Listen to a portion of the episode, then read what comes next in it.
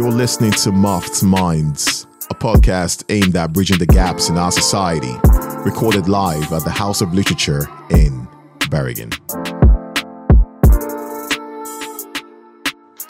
Welcome, our beautiful people who are here amongst us today in the audience and those following online.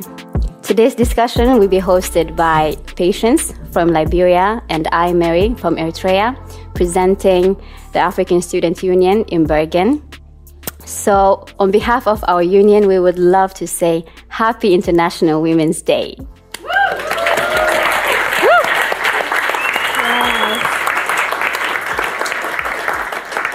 Thank you. It's a special day, and we're so excited to address an issue that's quite uh, stigmatized, highly overlooked, and also neglected. And that is, of course, uh, mental health amongst Black people. Um, as for today's conversation, we will mainly be focusing on Black women and how this affects us, and also while just creating awareness and finding some solutions and tools. Yes. And to discuss this matter, we have some beautiful ladies here amongst us. Here we have Dora from South Sudan, Rahima from Somalia, and Anina from the Gambia and Norway. We have Julia from Norway and Barbados.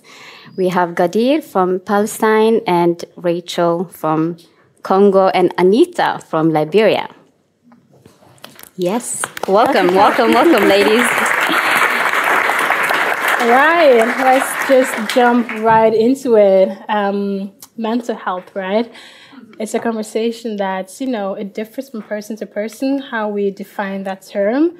So we'll be starting with you, Dora, and just, you know, how do you define that term personally when it comes to, like, how do you Okay. define the term mental health? Yeah, thank you so much for yeah, inviting me to be part of this important panel and important discussion on mental health. I'll, I'll first start with what health is. Uh, I think health is uh, a complete state of uh, well-being, uh, physically, socially, and mentally. And mental health then comes in the sense that it is also our well-being in regards to our way of thinking. You know, uh, if we, you know, usually when we're sick, when we have pain in our body, we rush to the doctor. But when our mental health, that is, you know, our state of mind, if it's not sound, then we, in a way, experience kind of mental health issues. And it's the way also of how we think about ourselves, uh, how we think about the circumstances around us, and if we have people around us to kind of encourage us and to support us in our life circumstances. So I would say, as health is the complete state uh, of our well-being, both socially, physically, and mentally. Mental health is that state where we feel, you know, all right with ourselves, the way we think about ourselves, the way others perceive us, and who we have around us. So, so that's how I would define mental health for me. yeah, that was good.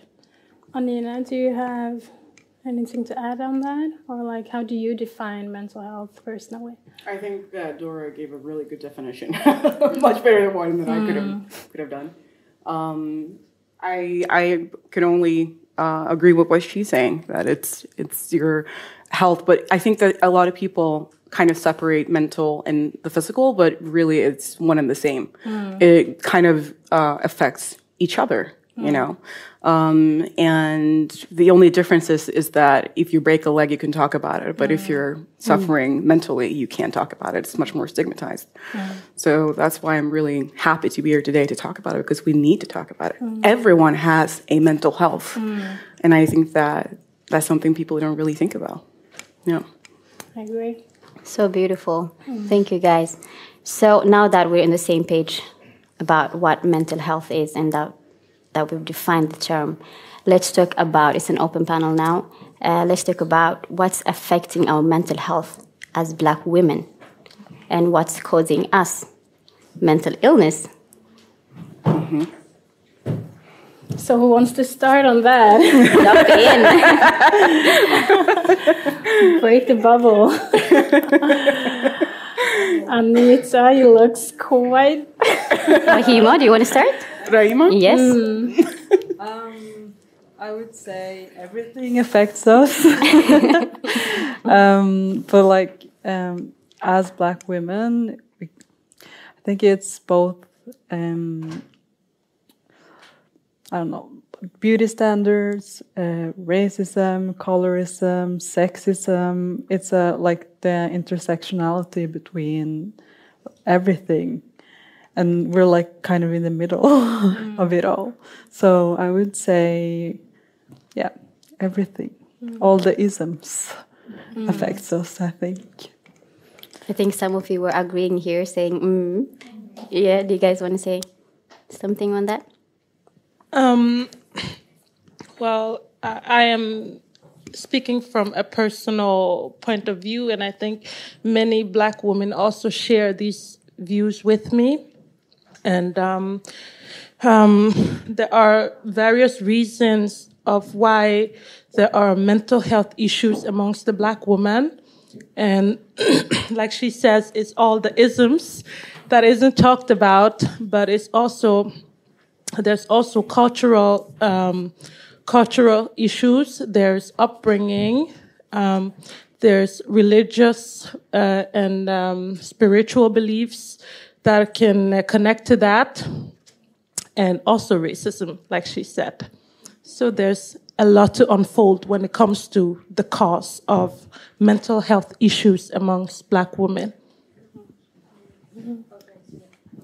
I would also add that, like, the stereotype of the strong black women adds to the suffering because mm-hmm. then we have to suffer silently because we're supposed to be strong and we ha- we're supposed to like um, keep it together and not show our pain, and so it's usually then that we suffer silently.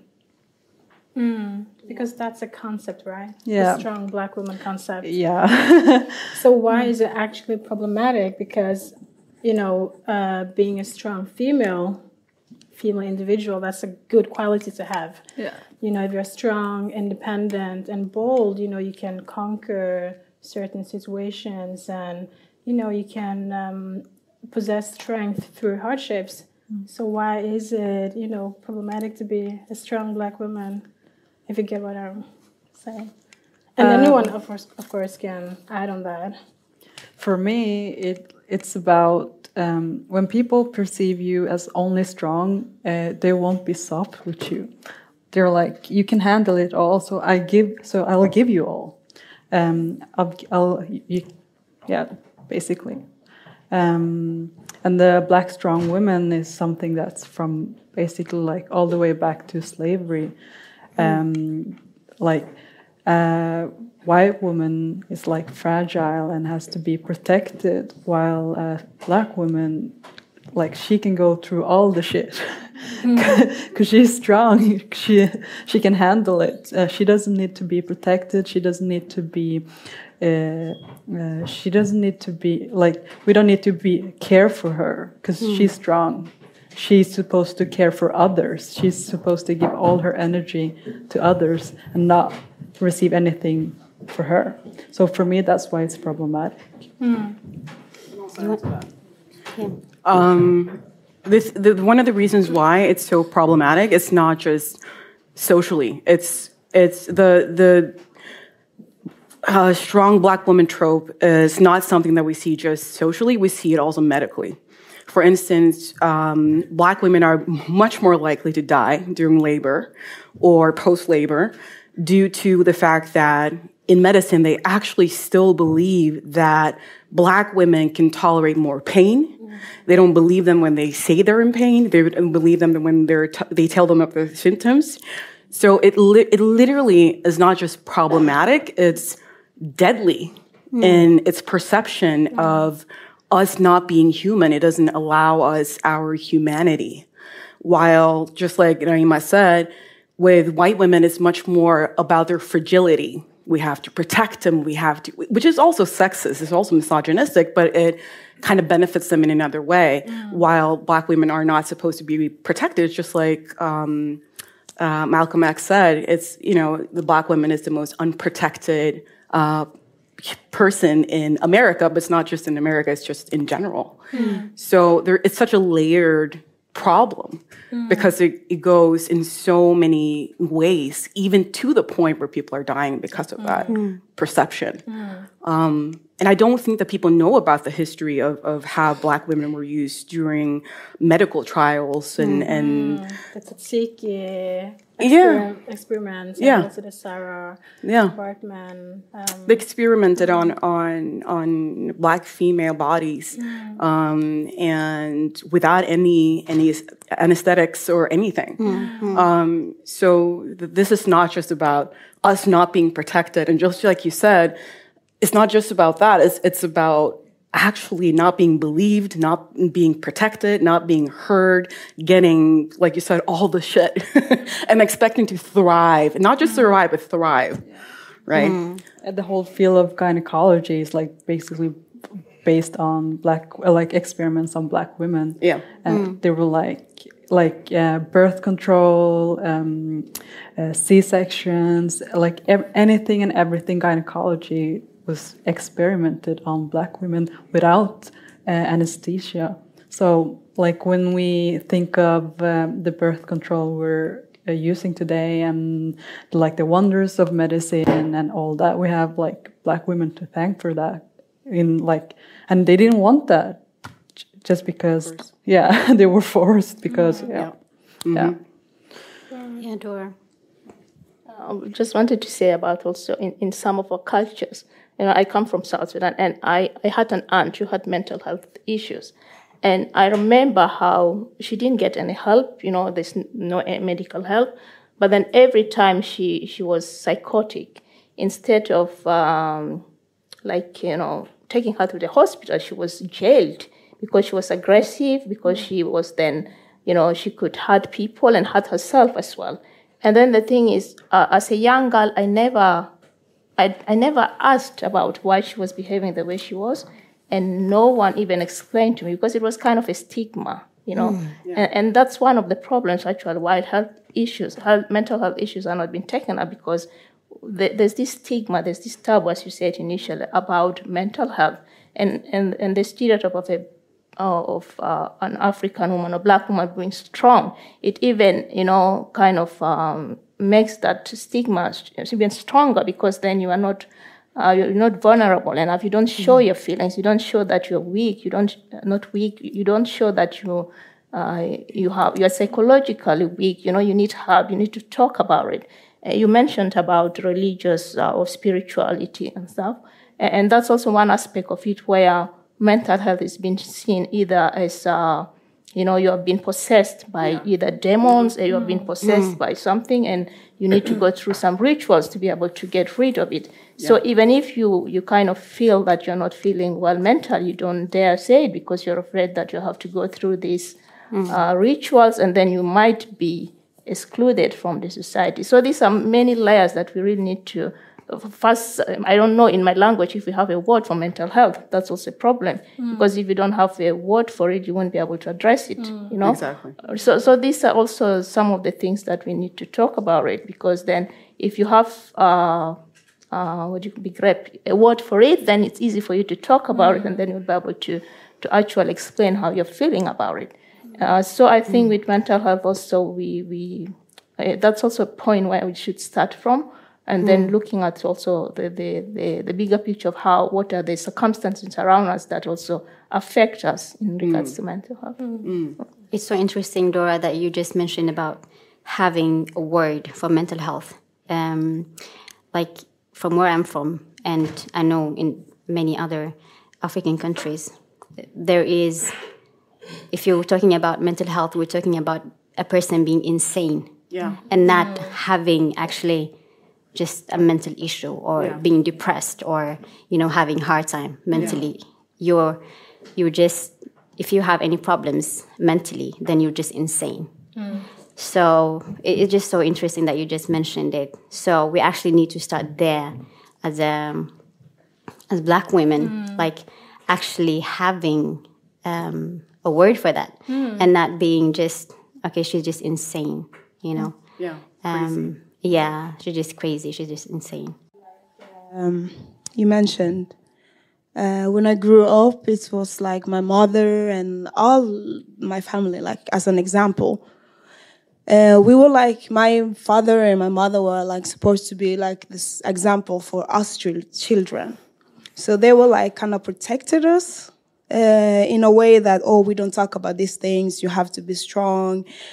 But uh, lately, I've been like being the one to actually learn my parents to like this is something I want to talk about. How did you grow up? Like bringing up those taboo themes that mm. that always been there. So it, it's an experience and it's very like hurtful because you feel like you have to be the the grown up or like the modern genera- new generation to like talk about these thing, things with your parents mm.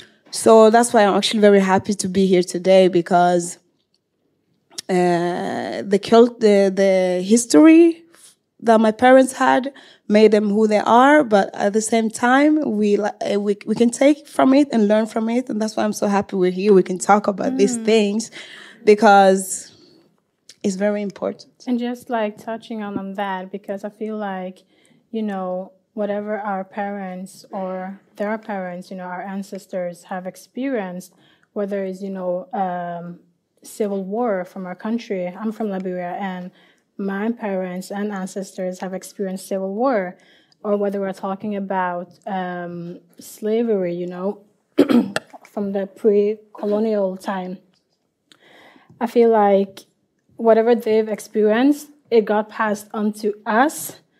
And then just like uh, looking at our parents not being able to show vulnerability being able to I don't think I've seen my mother, you know, breaking down.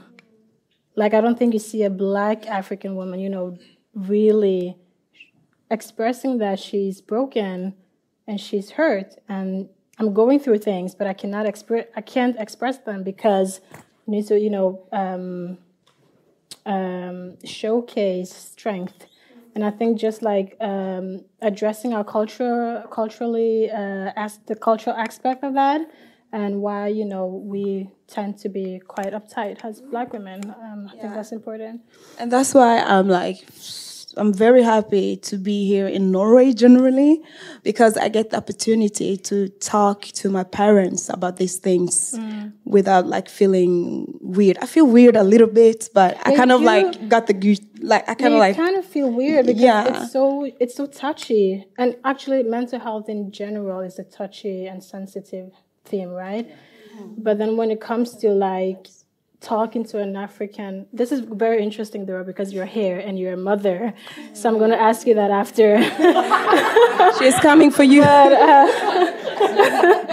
I can just like imagine myself, um, you know, just calling my mom on the phone and saying that, hey, shit, I'm. I'm not doing too well and I'm depressed, using the word depressed. I can just imagine her like going, What is depression? what is depression? And you know that you guys mentioned the religious part, like you. Um, you don't need a therapist because you already have a higher therapist, which is most often um, a higher source, which is God or a religion. Um, so uh, just I just lost my point, but you know, um, picking back on like our parents uh, being lucky to be here and express that, but also it's so sensitive that's just so man må liksom trå försiktig då. Always walking on eggshells, you know, be, yeah. yeah. Anyone, yeah. I'm really happy to be here because I feel like when I heard about this panel and I saw the women that were invited to talk today, I saw that a lot of you have families that were coming here from really troubled countries. Um, and for me, as uh, Caribbean and Norwegian, growing up in Norway, born and raised, I have a different experience than you guys. So I really just wanted to learn because I've heard about all of the stigmas from like the parents almost pushing the religion in that direction that this is what you should be um, kind of putting your trust in and mm-hmm. this is what's supposed to fix you not it coming from within yourself if that mm-hmm. makes sense mm-hmm. um, so yeah, I think that's why I just really wanted to hear you guys' stories and take on that and how you've experienced both from uh, growing up in that household and where you where you are now with your relationship with mental health and um, how you kind of talk about that with your families as well. I wanted to add something to the the strong black woman perception because I feel like it's something that that usually start with with childhood and every girl becomes a woman. And while you are a little girl, you are seeing your parents and other female uh, role models and when they're not expressing vulnerability and some of that can be a form of protection for them not want, wanting you to experience their trauma but at the same time that same trauma is being projected onto you. Because excuse me my throat is not well after covid. I'm fine. Um, and and and that same trauma can be projected onto you because they are not talking about how their feelings they are not showing room for vulnerability. And then you as a child you take on the same mentality okay my mother can do it my aunties have been doing it they've been doing it for generations i can also do it of course and then you grow up having that mentality of okay I am, this is what is expected of me. I am supposed to be able to push through because all the generations before me have pushed through. So there's no room for vulnerability at this point. And then that, then again leads to you having all your thoughts and emotion locked inside because you can't express those thoughts and emotions to hmm. anybody because no one have shown you how to express them in the first place. Hmm. Yes. And that's why it's very, very important to know your history, know where you are, where you come from, hmm. know your childhood.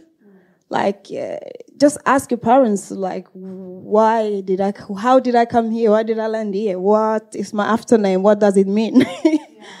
and kind of like reflect on that and uh, be what you want to be. If exactly like That's also important when we want to get the message out there and actually uh, educate and share with others. You have to know your own backstory and talk to other black women around you to hear their side before you can share it further on.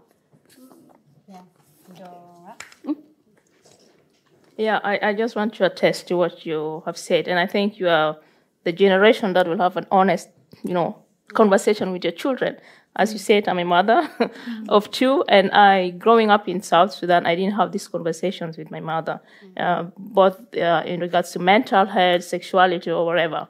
But I have a daughter who's, seen, uh, who's uh, soon 18 years old, so we've had different conversations. And like uh, you know I, remember going to kind of parental course somewhere where we were told to kind of draw a, circle where you have to put in your feelings the feelings that you felt your parents were able to meet you on be it anger whatever you know and the feelings that your parents really didn't meet you in or didn't really tackle well you put them out of the circle. So i remember with my daughter she's kind of she's very you know, she's verbal, she'll say anything. If she's happy, you'll see she's happy. If she's angry, you'll see she's angry. So it's all this spectrum of feelings that I, as a young kid, I didn't really express my feelings that way because it's all like, be quiet and then I'll be quiet. I'll cry in the corner and come back when I'm done, you know. But then with her, I had to kind of, I, I, it wasn't easy, you know, because I had to kind of reflect. I have to learn. I have to kind of uh, of learn how to be a parent for her in the context of Norway. But then there comes also with these feelings, and it was okay for me to cry, you know, sometimes, and then I'll explain why I cried. In this way, I help them to be able to also express their feelings. And sometimes maybe I wasn't able to kind of take all the feelings because I didn't learn how to do that. And that's something I had to learn. And that's the same thing with the kind of mental health in regards to to being depressed, saying that it's okay to not feel okay, you know, it's okay to to to cry sometimes, you know, and all these feelings that we, our parents, maybe haven't taught us, we have to learn to teach our children. And asking these questions, I believe it's tough for your parents to be asked, why do you want to know it? You could hear, but it's important for them in their development also of their mental health and for them to be able to meet also others. And and like um, okay, stop here. But Dora, now, now, now that you're just talking about that, Dora, we've sensed like a little bit of frustration when it comes to our parents not being there to, to teach us about mental health and everything. But what do you think is the, the main issue of them being not open about mental health? Yeah, I'm not going to answer for every parent, but but I think you know it, it's kind of um, coming from a war-torn country, like uh, the case of South Sudan, and also we have experienced a lot of traumas that we haven't dealt with ourselves, and then moving to a new country like Norway, you have to learn the language, and you have to. There are a lot of also stresses that sometimes you kind of pack the trauma you have somewhere there and you start learning the language thinking now that you're kind of you know in a new setting you are you are you feel like you're integrated you experience racism you experience unemployment. There are a lot of challenges and you want to be a parent available for the children their needs but you can't do it because you have a lot of those traumas that you haven't dealt with. So so so it's it's a lot of um, of other issues that come up. And then when we haven't dealt with the traumas that we're going on with, we pass it further to our children because then our tolerance window is so small. We don't tolerate a lot of the stresses that the children have. And with young children, I realize that the, they sense us as parents if we are not having a good day. Mm. So if they have had a bad day at school, they will not come and tell us because they see that mom is having a bad day today. Mm. I'm not going to ruin her day. And then if they can't talk to us as parents, whom do they talk to then? Then that's when also we also lose our children because then they find other people, be it in the social media, wherever it is, that give them the room and give them the space and give them themselves. So uh, we need also to get help for our issues. We need to talk about it first, and then we'll be able to open some space for our children to talk to us. So that's how I see it. Yeah. Very We'll beautiful. Be, that's good. we'll be addressing how we can, you know, uh, find help and solutions after. Um, Esther, your hand. Yeah. And also Rahim after. Um, And Rachel. I also want to point out the fact that um, psychology is a very like a psyche isn't a new thing. Obviously, it's, it's been existing since the beginning. Like all animals have psyches, um, and human beings are animals. But the science of psychology is a fairly new science. It's very very young. Um, it's still in its baby infant stage, um, and it's not an exact science either.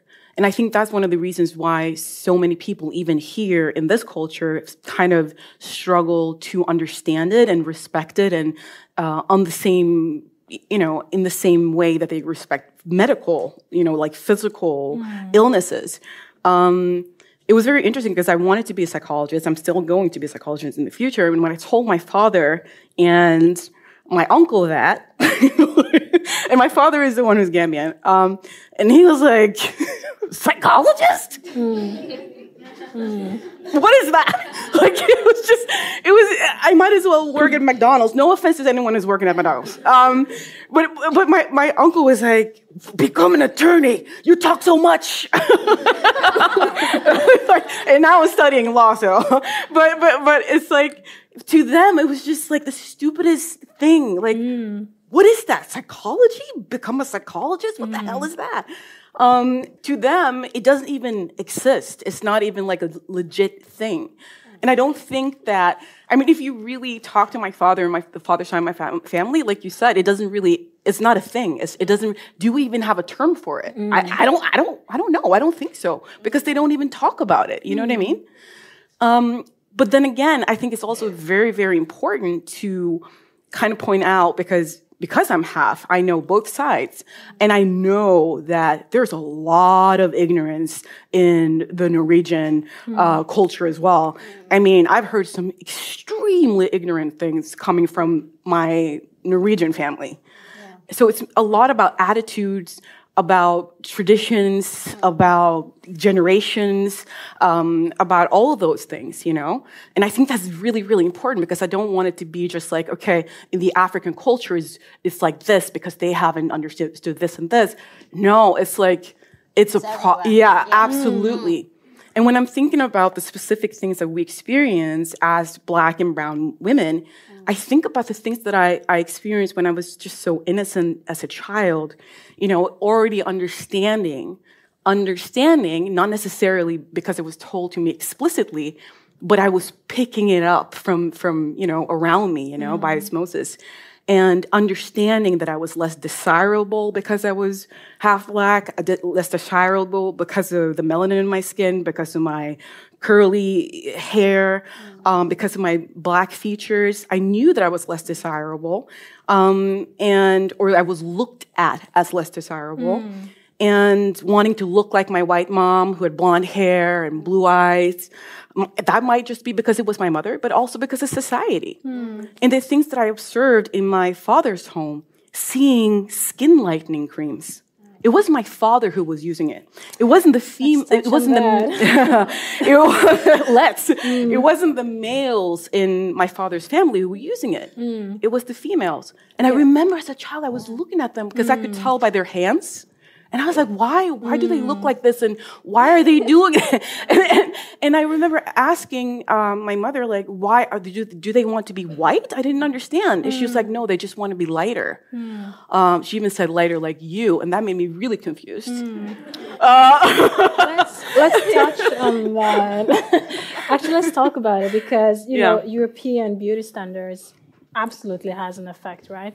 Uh, so, like, who wants to touch on that? Like, how that affects affects us?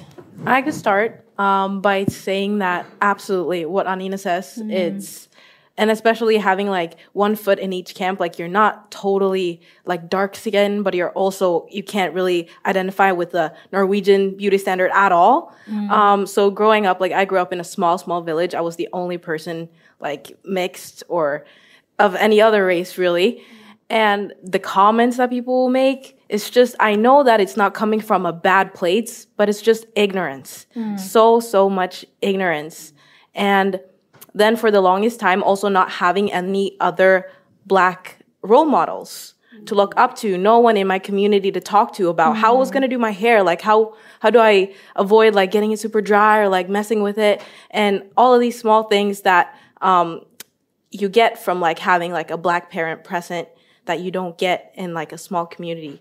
Mm. So, yeah. And mm. I think that also when it comes to mental health, being of like an, another, like coming from a different place, being black, brown, whatever, it's kind of, it, it can create a mental problem if you live in a country like Norway. Mm. Not because Norwegians are bad or meaning you any, anything bad. It's just that um, being different and growing up with that mindset like i'm never going to fit in. I'm never going to be the same as them. I'm never going to kind of be able to fully identify with them. Mm-hmm. that's kind of also creating a mental struggle in your head that you have to deal with.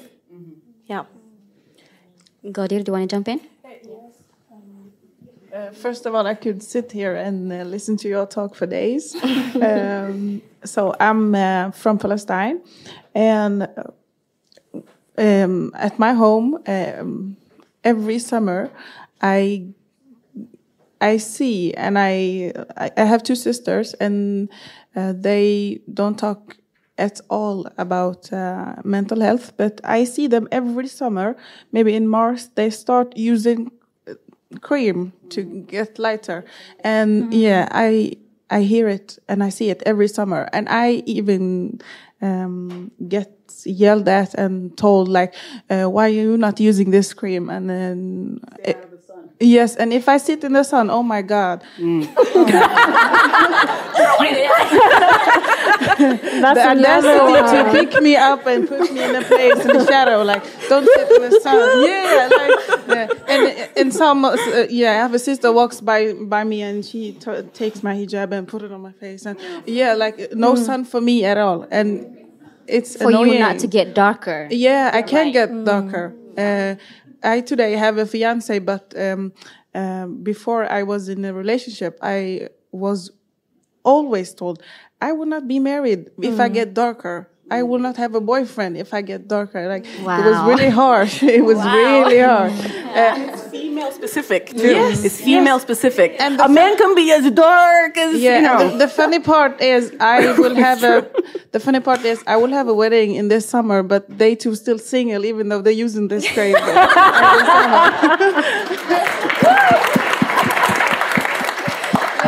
I ju- it was my it was it was my chance to call them out. Uh, it was my time to call them out, and I'm happy I did it. Oh my god! Okay, uh, love to hear that. This is so interesting. okay, so obviously, featurism, colorism, you know, all these isms have uh, affected us, right? And so we all know where it started, but let's just, you know, elaborate a little bit on that. Uh, Rahima, you had something. yeah.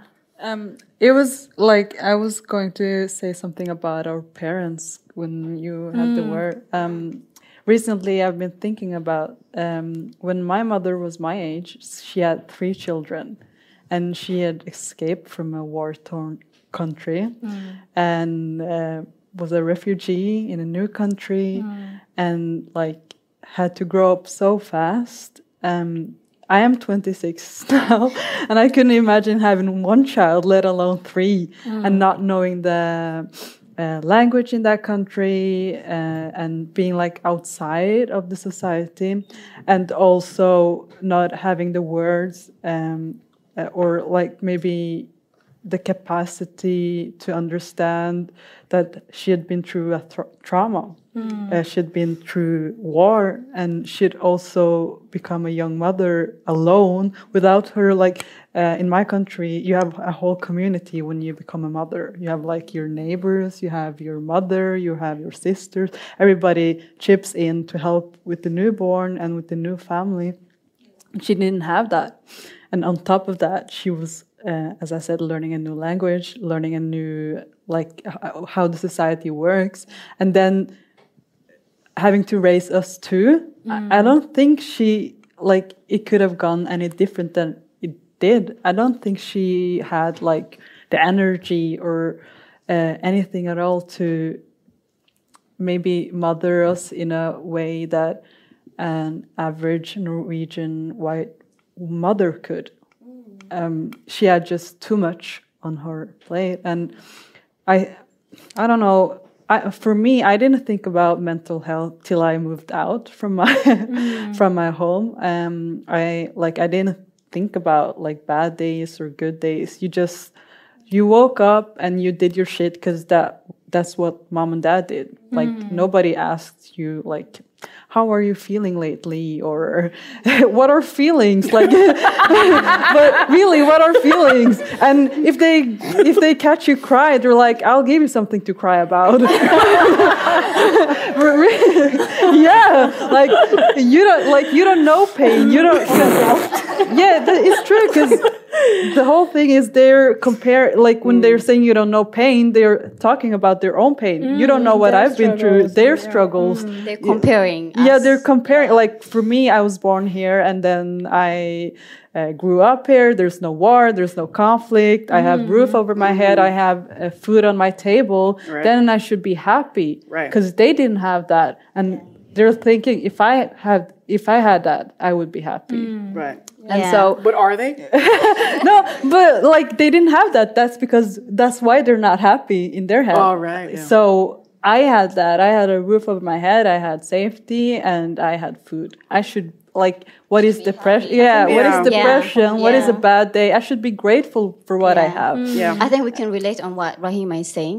Yeah. And I agree because I believe that our parents actually migrated to give us food and peace Yeah. and, you know, mm. and, Like- yeah. And I think at some point they've become happy with that, mm. with what we have. Mm. Yeah. And um, as long as we have that provided, like, you know, yeah yeah, it- The most then it's- basic. yeah but it's true because Mental health is a, like a privilege. Thing. yeah yeah You know I mean? like talking about mental health at all is a privilege because Yeah. if you think about it if you think about maslow's uh, pyramid yeah. like if you have the basics then you can think about like the other uh, steps in the ladder but they didn't have that so what the hell are we talking about talking about mental health and having like why, depression why would you have mental yeah, problems? Yeah, why do we have Yeah. mental problems? We've not been through war. We've not been through anything really I bad. when your body is like constantly in like this flight mode, Yeah, survival mode. Yeah, you that's know, the you- thing. yeah. They're surviving, and I'm saying I'm trying to live, not survive. Mm. And that's the difference between our generation and their generation. They're Yeah, just they they haven't left survival mode. Yeah, and, And um, I'm- we're trying to thrive. Yeah, and I'm actually live. like, mom and dad, I want to live. I want to be happy. I don't want to survive. And they're like, but I don't know any other life that's not surviving. Yeah. And so we're coming from a whole two different perspectives, and it's hard for us to relate to them, and it's hard for them to relate to us. Yeah, that's true. Rachel, do you want to jump in? Yeah, that's very interesting. And I think somehow Norway generally can play a big role in this, uh, on this place where our parents come here, li- li- like uh, leave everything behind, you know. Uh, I remember when my family came here. I don't know about you guys, but we didn't get any help from the system. We, like, first of all, I think our parents need to learn how the rules work here. Uh, which rights do you have here? Uh, Which and, uh, rice? rights. All right. Yeah. No. they don't have jollof rice here. the rice is important. The rice is important. Where do I buy the best rice? yeah. Sorry. Yeah. Yeah. The rights and uh, offering the mental help to our parents will be like a very big deal because that will help us children too.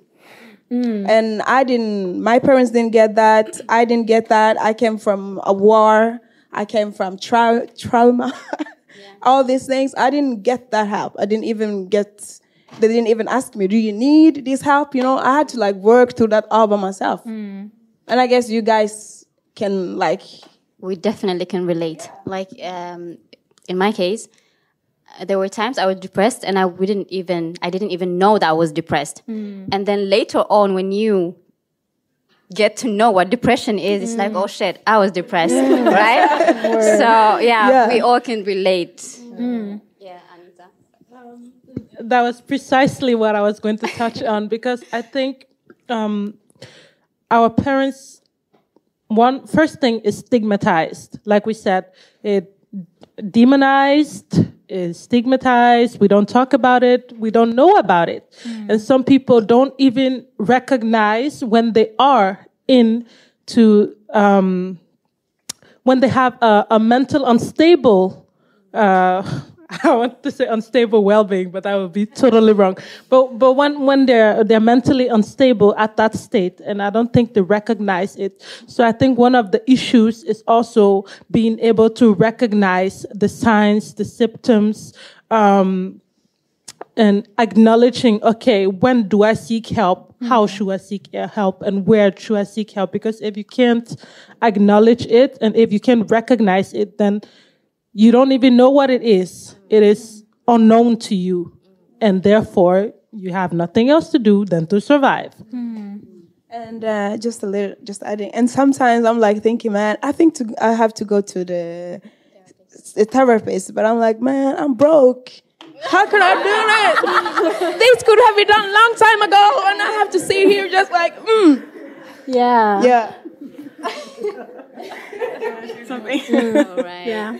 Um, can I? Um, I actually, and I also think it's important to talk about um, what um, African women or Black women go through, like specifically, like the women. Obviously, I think one thing I think the audience should know who aren't, you don't have that kind of background, that I, we were talking about in the beginning before the panel started, that this, I love this panel because it shows that we are all black and brown women, but we're completely different, have completely different backgrounds, completely different cultures, and that is not something that is often represented or shown. Uh, that's why I love this panel so fucking much. Please note this, okay? Um, um, so when I say this, this is very, very important. You know, black people are not a monolith, African people are not a monolith. So when I'm talking about this, I want to say that it's from the culture that I um, lived through specifically, the Gambian culture. Um, and so I can only speak to this, I don't know if this is also true for you. But the things that I saw, like seeing family members um, who had gone through female genital mutilation, um, because that is also something that's common in specific tribes in the Gambia. Uh, I also knew Somali uh, women uh, who also had gone through that. Uh, it wasn't talked about. They didn't talk about it. That is huge trauma, but they don't talk about it. And knowing, for instance, that domestic violence could be very, very common. My father didn't do that. And for me to learn that that wasn't normal, like he was, he was one of the, like, the exceptions mm-hmm. was to me shocking. Like, what does that, what, what does that do to a young girl learning these things? And no one is talking to you about it. Mm-hmm. You're just witnessing it. You're just observing it and witnessing it. And then I'm getting these kind of like things told to me through society and the things that I'm observing as a girl. And I, I'm being taught what I'm supposed to um, accept in my relationships. You know what I mean? Yeah. So I think that that's also a very important thing to talk about. And mm-hmm. again, if you look at Gambian women, you would see strong, beautiful women. Like they're, and they are all of that. But it's also things that are going through behind the scenes, you know what I mean? Mm. That aren't talked about, you know? Mm. Yeah. Yeah. That a good one. but I think also most of the reason why, you know, when it comes to our parents, why they don't talk about these things or, you know, talking about female Genital mutilation. Thank you. Um, that's because you know it's. I, I can think I can you know um, try and you know it's like a sense of feeling maybe guilty or maybe it's like a shameful topic. Yeah. And I feel like um, whenever something is shameful or you know it's like put in the dark, it is just shameful to talk about Yeah. you're not you don't feel as open as you should and i can you know relate that to um, when it comes to mental health like when it's i don't know how to put it but when it's when it's like when it tends to get uh, Difficult to talk about, maybe? difficult or- to talk about Yeah. just maybe shameful to talk about you just want to keep it to yourself and just you know put a lock on it and just not talk about it of, course. course. that's not related to the female genital issue yeah. But it is like the violence towards women because women are being taught that that it's normalized. It's normalized and and you don't want to be like they say in Norwegian, like the, the speak on some stickers out. Because hmm. it will be hit. You know, you don't want to be the one who's who's kind of like ringing the alarm bell because then you're kind of separating. And, and also, hmm. we have to remember in African cultures, they're very, you know, it's there's collectivism. You know, it's not in, in Norwegian culture are very individualistic. So I was raised, I was born and raised here. I can be like blah blah blah blah blah, mm. and I don't have, even have to think about like my family's reputation, you know, and stuff like that. Mm. But in an African culture, it's very much like a collective. Mm. We have to think about each other. We have to think about this and that and that. So also these are are aspects to it and factors that play into how we kind of tackle these things. That is so true. That is Yeah. so true. Dora, do you want to jump in now?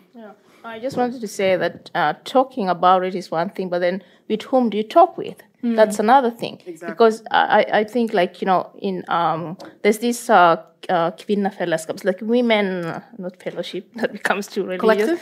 It- it's like collective, who to talk to, you know? Because I think we as African women, we, we talk a lot with each other. Like if we have a group of women together that you trust, you can, ex- you know, express your feelings. And your friends, your closest, will know that something is wrong with you. Something is wrong with you, Dora. I think you need help. If I can't get the support from my friends, then maybe someone else that is outside. And I think also with uh, in the context of Norway, where people come and you lose your social network, you don't have a job, there are a lot of other issues apart from the trauma that you've experienced that also makes things difficult. So if you don't have the social network that will help the parents to learn about the rights that they have, to know about the things about the society, then these problems even become bigger. Hmm. So I think we also need some spaces where these parents, we can go there and talk about our problems, hmm. support each other, and think, okay, we need to talk differently to our children, you know, because they we can't talk the way we did back home because here they, they ask questions. They don't just take a no for a no you know? So we have to also go into those things you know? Because i think we can't um, uh, the needs. You, you talk about you young people wanted to thrive. We also want to thrive, but then we don't only want to survive, you know, because Yeah. there are lots of parents who have also had jobs in their home countries. They were lawyers, they were doing great jobs, but then you come here, you start learning the language, you don't get to understand the language as much as mm. your kids, you know, that you don't, the years go by, you don't get a job, you get frustrated, and things just, you get into depression and you just go deeper into a, hmm. Yeah. you know, a hole where it becomes difficult to talk about this issue. Then you are not able to also meet the mental health needs of the children hmm. that you're around, you know. So I think it's it's um many layers that need to be unpacked and hmm. yeah. Yeah. Yeah. Anita, you had something to add to that? Yeah. Um, I wanted to say I, I think some of um, some of the reasons why these things are not discussed is because of fear. Not not only because it's it, um, people see it as, as shameful. Because remember, these practices in those cultures is the norm. It's normal for them, and many African um, practices, cultural reasons, spiritual reasons, have somehow been misunderstood when it comes to European standards of living, and lifestyle wise. Um, let's just take ac- African um, spirituality, for instance, right? It is usually shown in a light as as very voodoo-ish witchcrafts and magic. demonized stuff because people don't have the knowledge of why those people practices I mean, do these practices. So on the from the African side, most people are afraid to talk about those things outside of the family because they are afraid it will be misunderstood. Hmm. And it is the norm in those culture. Therefore, some people have not yet again acknowledge that this might be harmful for that child or this daughter or whatever. So it, it's it's a mixture of of um, of the fear of it being misunderstood because many of their previous cultures have been misunderstood, and it's also and it's also um, maybe shameful, like you said. So I think it's it's a mixture of both, and that's why many African homes um, don't speak about certain things because it's we have the saying like if you don't sell yourself to the street, the street won't buy you. Mm. So whatever happens in this house, it stays in this house. Mm. And if there's anything you are processing or going through, we need to go. We have to counsel as a family member because once you say it to the white man or to the outsiders, they mm. are going to eat you alive and they're going to say this and that and that. So what will people say? That mentality is, I think, is stuck with the majority of us. Like, what will people say about this? Yeah. Mm. And how are they going to interpret it to others? And no So- wonder, considering mm. the history of how no, no been wonder. So yeah. I, I, I, I also understand their skepticism Yeah. of, of, of why they don't want to express certain things or talk about certain things because they are they have the mentality of fear that it might be misinterpreted. yeah. Yeah, we, we understand that it is something that we can understand what they're doing, but it's just hurting us. So there's Yeah. no excuse on, yeah, like uh, understanding them. No, it's it's it's no excuse. Um, when when it, when it comes to hurting females, definitely no excuse. But we should also understand the fear of not expressing certain things is mm-hmm. based on the fear of previous experiences. Misunderstandings. Mm-hmm. Yeah. And black women are also often having to because like you said we're between like two chairs like we say in our region like being we're like we have like the being female then being black and often we're kind of like drawn between mm-hmm. the two of them and often we've been taught as women to protect our men that's very true. Like, true. bring- we have to protect our like our black men because of history and how they've been treated and demonized by society. So if they do something, it's often like we have to choose our blackness before our womanhood, in a sense. If that makes sense, yeah. Yeah. Yeah. Um, Rachel was first, and then, or maybe.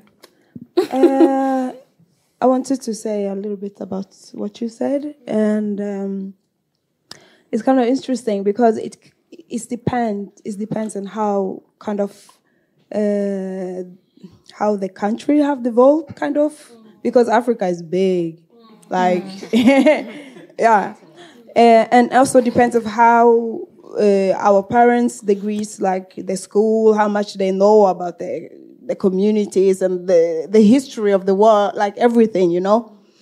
Uh, and like you said, you talked about. Um, uh, I forgot. yeah, uh, you said you were talking about the parents, like uh, learning, uh, they need help to learn their children, so they also can grow and uh, yeah, They can get help. they can get help too. And I've like they lost like my parents, they uh, lost their jobs. Like they had to start all over again here when they come to Norway, and I I've kind of seen how it affected me growing up here in Norway. The standards was very hard for me to fit at school. When you see like everybody uh, in school having the same things, playing, being on the different activities, and now their parents get like have uh, enough money and economy to do all these things, while I'm like, oh, I cannot join, or because of my parents uh, uh, doesn't have the opportunity to like giving me what they want to give me so I can fit into the society here. Mm. So that that made me also kind of like it affected also my mental health kind of because I felt like I couldn't fit in mm. because everybody got to do the things I didn't get to do kind of mm. as a child. All right, yeah. I get that. So, Rahima, you can jump in and then we can go to the next question. For me, I was. it was about something all other. I was thinking about when you said like a female collective uh, or a community, um, and I've been thinking about gossiping, and like how we've seen. But it's true. I I I think that gossip and gossiping is a really good thing. Uh, I do. No. Yeah, I do. I, it's true. It's true. Hear me out. Explain. I, I'll explain myself. Not gossiping in the way like, oh my god, look at what she's wearing and all that. But uh, when we think about like um, in a matriarchy or in like a, uh um, community of women, when we gossip, we f- we tell each other about things like in our lives, in our friends' life. Oh my god, my husband did that. My child did that. Or uh, I heard that the neighbor like you Yeah, find out. venting. You- You're- yeah, it's true. Like, Evolutionary uh, thing. yeah, yeah, it's true. this. Yeah, it's true. I, Yeah. I know it's true, and that's why I'm a fan of gossiping. 'Cause it- 'cause it- huh? Yeah, it is gossiping. When like when we sit like this and just dish about our lives, and like, oh my God, uh, I saw that uh, Mary was doing that, and I saw like, and uh, I, I had a argument with her, and all this. Like we're venting. Yeah. We have mm-hmm. we're like in a gossipy way, but mm. still we're venting to our friends, mm. and uh, kind of relieving the pressure inside of us. But isn't it funny that men just talk but we gossip? Yeah, yeah. So Really? that's why I'm taking back. Really? Oh, yeah, I'm I taking think it back. depends on the intention. Yeah. Yeah, but like the circle. Yes, that's why I'm taking back Yeah. gossiping. That Like the leads to Yeah, the- venting. Yeah, I yeah, yeah, it's Yeah. it's just women. Yeah, like because if there's Yeah. a group of women and they're talking, Yeah. we, we say that they're gossiping.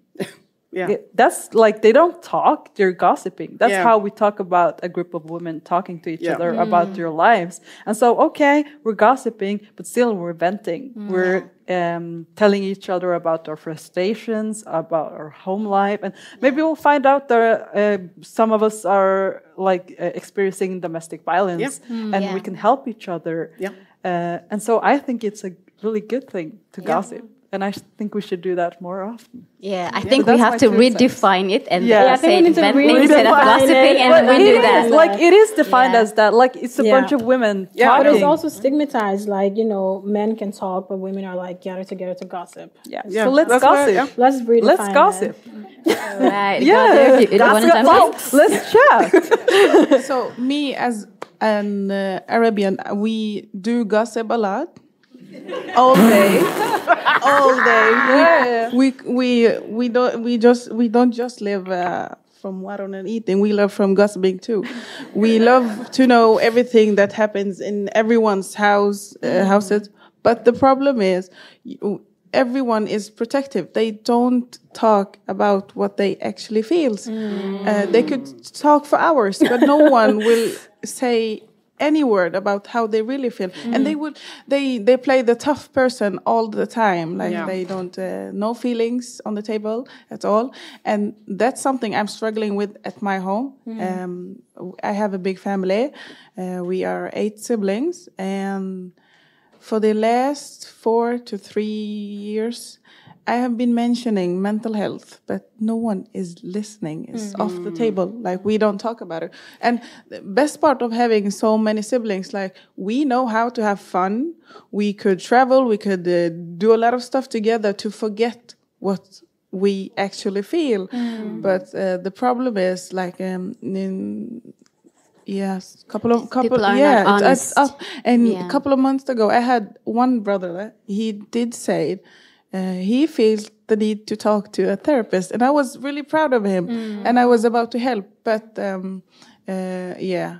That's, as, um, as as much as fast as you, start talking about feelings, we ship to the next. Uh, What movie are we gonna watch? Yeah. This is gonna be the next thing. Yeah, I, I think there is a thing in us that we actually feel uncomfortable, and people want people open up to us. We don't actually know how to handle it because we're not actually so trained on, you know, supporting people um, emotionally and all that. So sometimes it gets awkward.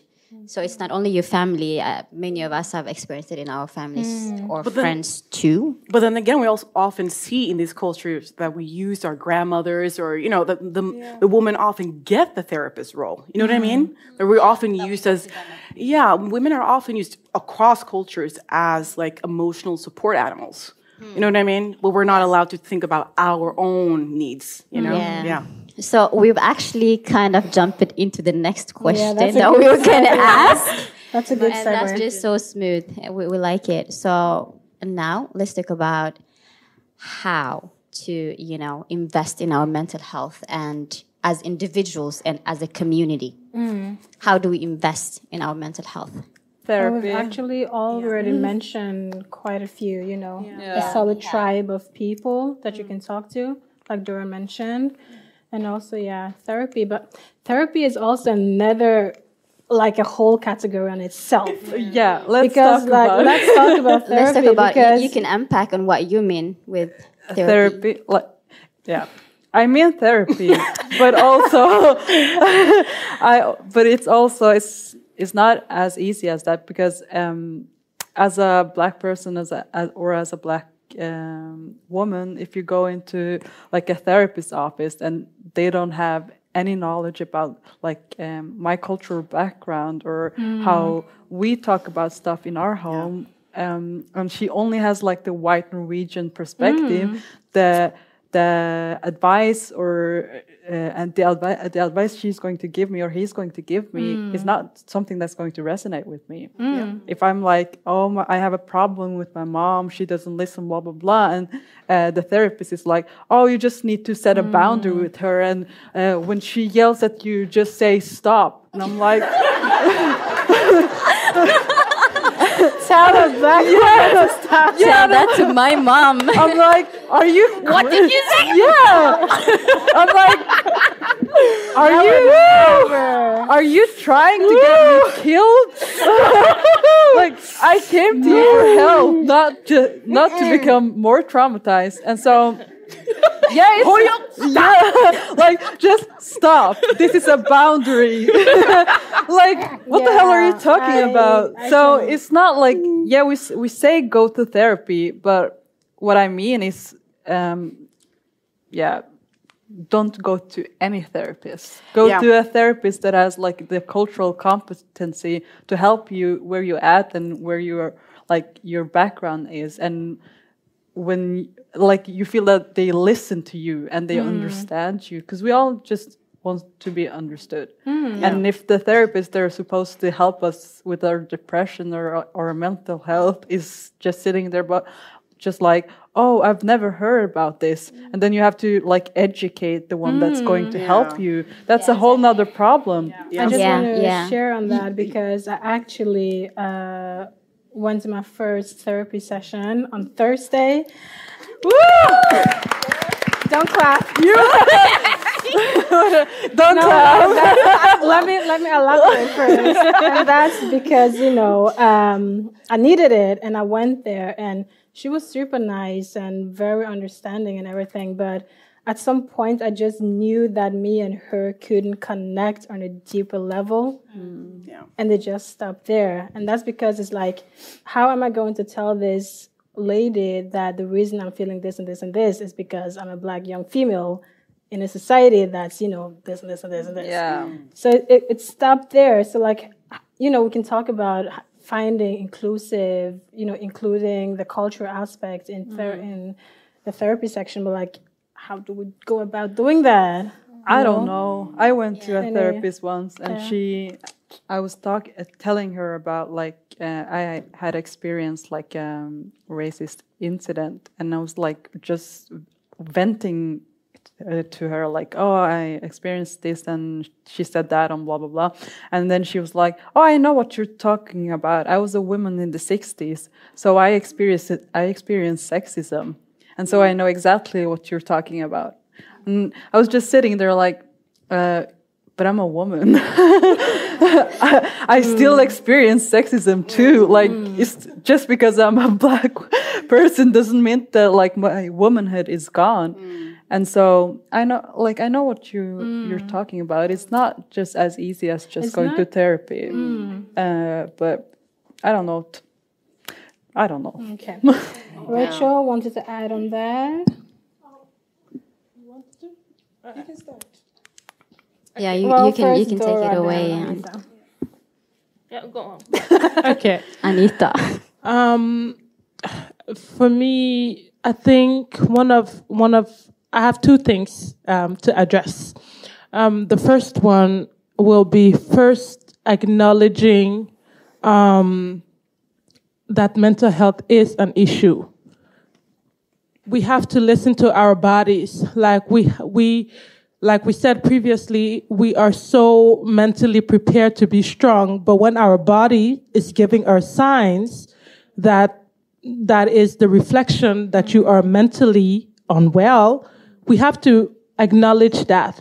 So I think one of the first thing is educating ourselves about mental health, the signs and symptoms and how how how they how they how how they appear mm. And and how how they unfold uh, physically too. And another thing is also um, really listening to our friends and family and trying to help them to and try to understand them and help them to figure out when to get help because I feel like many most of us we have shared trauma. We express ourselves but then we are not really listening to each other. We are not observing each other behavior carefully. And um, and and that leads to ignorance again because then we are not catching up on okay she's she's not eating. It, it can be the smallest sign like I, i'm a female and many of you are females and um, one of the things i was speaking to my friends about today was was um, one of my toxic traits was, you know, I felt like a friendship is it's a give and take situation, like any relationship. And if I throw the ball in your court, next time it's your turn. And if I check up on you and you're not checking up on me, and then I'm like, okay, fine, I'm not going to talk to her because she's not checking up on me.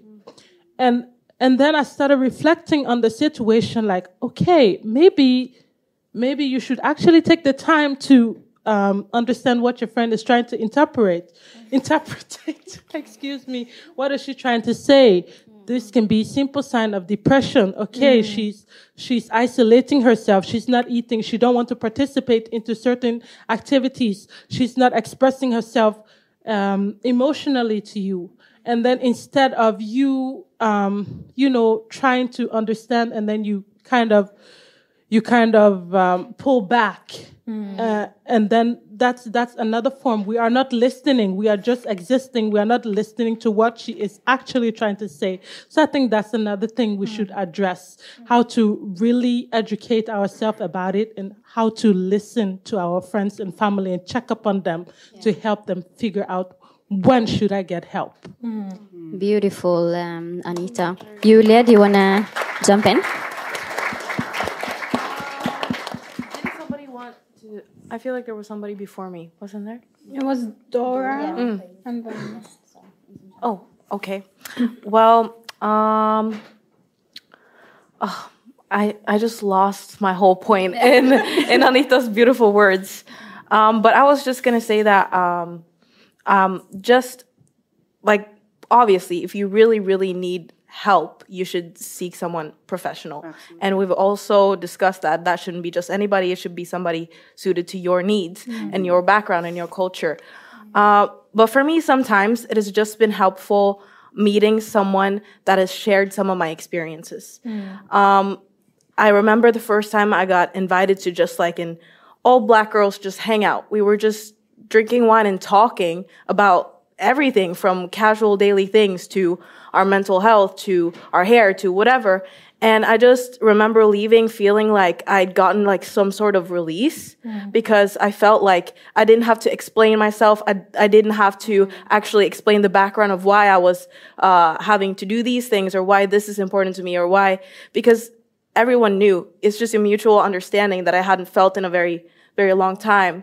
So I feel like that's also important to think about when you're thinking about your, your mental health, like who you're surrounding yourself with mm. and who you're choosing to spend your time with, because some people just tend to take your, it just tends to take your energy and mm. drain you and put you even further down. Mm. Yeah. It seems like we all agree, Rachel. Yeah, yeah, yeah. It's very important to know who you're gonna like express yourself to. And I also think that as the majority of like black like people here in Norway, we kind of like have a big job to do, like as we are doing now, just sitting talking about this right now is so important, but also trying to learn and teach each other, like Norwegians, teach us how to like behave mm-hmm. around them and then we also can like teach them how we our culture you know kind of like stay together because it's very hard. It's very hard out here. So it kind of like we have New song! yeah yeah yeah. We have like a big role to play you know? We have a big role to play to like teach them about our culture you know? Just be unit you know? That's very important. Mm. Yeah. Mm. A solid tribe of people. we need that. Actually, Dora I've been waiting Yeah. for Yeah. I'm hours. enjoying listening to you, so that's fine. yeah, I would just add that uh, self care is really important because uh, um, that's from my own experience. It's like I love working with people, I give a lot, but there's sometimes I feel my cup is empty. I don't have much to give to others, so I need to fill my cup before I pour it somewhere else. Hmm. So I think self care is very important that we invest time on ourselves, and it individually it differs. You know what hmm. we do to fill our cups. For me, it I have to go out in nature just to feel the you know breeze and you know hmm. just have some touch with nature, and then I feel refreshed, and then I can give more to my children, to the people I work with, and the people I love. And also surrounding yourself, as you mentioned already, with good people. I have some good mm-hmm. friends, good uh, women that we can talk things with. Every time I call, every time I hang up the phone, I feel empowered. I feel energized, and that's important to have such people around yourself. Mm-hmm. And mm-hmm. again, as you said initially, that you know we all have mental health. You know, it's having this openness that as you know, there was a time I had so much pain here, I thought my heart was kind of collapsing, so I had to rush to Legevakt. If we do that with our mental health, that would be perfect. So I think we should also take that time to, as you say it again, be observant of each other. Now we have gone through two years of COVID, and that has also even put more stress on ourselves mm-hmm. and on our mental health. There are people we haven't seen for quite a long time. We think, you know, everyone is busy, but we don't really know what people are going through. so an extra telephone call could really make a difference in someone else's life. So I think that's if we all do that. I'm not good at that sometimes, but just reminding ourselves that we need to do that. But it I takes feel more. like you know we can have a huge solid tribe of people, right, and people we can reach out to. But if you do not check on yourself and actually dare to be vulnerable, or just dare to be open, and you know just dare to say, "Hey, sis, I'm actually I'm not doing too well. I need help." exactly. You know, being able to say those those, um, those words before actually um, taking the next step. So Yeah. I think it's and important even well. like you know setting boundaries because sometimes Mm. we really need to we we want to help people want to do that and sometimes you're not in that space and you can say you know Mm. what today uh, i can't do it and let you know making sure that the other person will understand it because then if the Mm. person doesn't understand it then you feel like you know you have to do it Mm. so it's Yeah. just also it's Yeah, not it's- easy but you know it's something we just have to practice to do. Yeah, it's so interesting that many of you are mentioning um, about people you surround with. And I was just sitting here now and thinking that people that we surround us with are not only people that we meet in person, it's actually people who we follow on social media Mm. and people who will actually letting influence us, Mm. right? So I just want to mention that social detoxing. Yes, social social media detoxing is Mm. also very important Mm. to uh, actually follow people that we know are gonna empower us, Mm. especially now today that we're spending so much time on social media. Mm. Yeah, Anina. Um, I was going to say, I, I agree with everything that's been said here. And I think, just like Dora said, um, it like self care is so important. Like you said, with setting boundaries, knowing your, because women, I think, especially Mm. because of how we've been socialized and conditioned in general, we're so, we can be so bad at uh, setting our boundaries because they've not been accepted or we haven't been allowed to have boundaries. And then again, the fact that we are often, you know, like I said, the emotional support animal of other people constantly being other people's mothers, whether or not you are a mother, being Mm. other people's therapists, uh, best friends, we're sister, we're everything always at all times. And it's so important, like you said, like check in on yourself.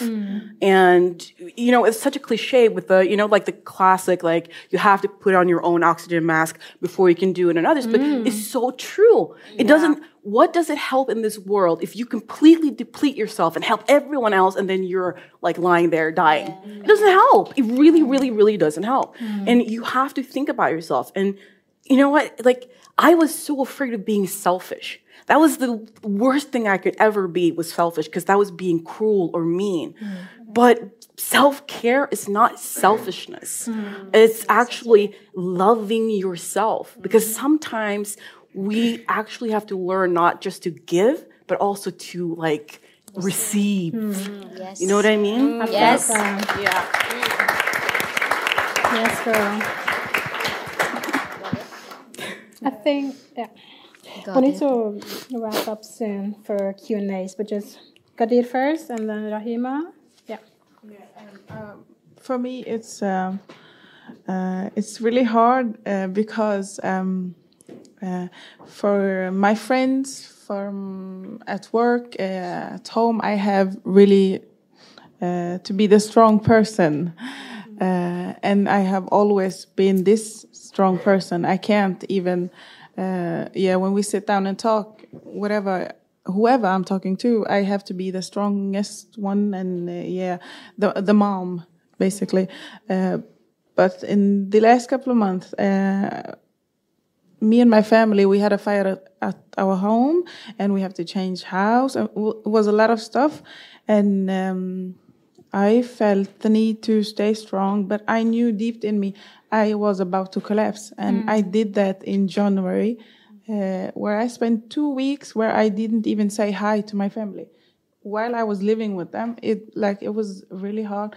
I was uh, at a point where I um, choose to be selfish because that's the only thing I had left. I, I felt Mm. like I've lost myself, uh, and I got really weak. And um, in home, in home like mine, uh, we don't talk about mental health, and uh, uh, I see it in my siblings and my mom and my father. Like, oh, you need a therapist. I, I see it, but I, when I had it, no one could see it. No one could. Uh, because you've always been a strong yeah, person. a I was strong the strong person.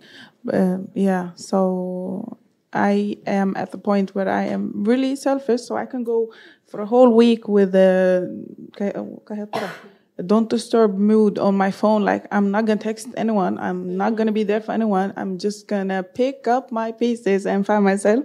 I'm at this point. Uh, so yeah, um, taking care of myself, like generally, because I have ignored self care Mm. before and Yeah. putting myself first. So yeah, Beautiful. Beautiful.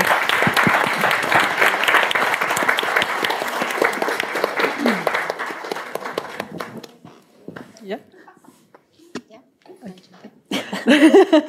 No, uh, we're we were like we've talked about putting yourself first and like self care and all these things, which I think are very important. But I also would like to add that like we maybe need to uh, remember that we're not alone. That we have like we're in this together. We're like remove our, remove ourselves from like the individualistic mindset and think more collectively. Like we are a community. We're not alone.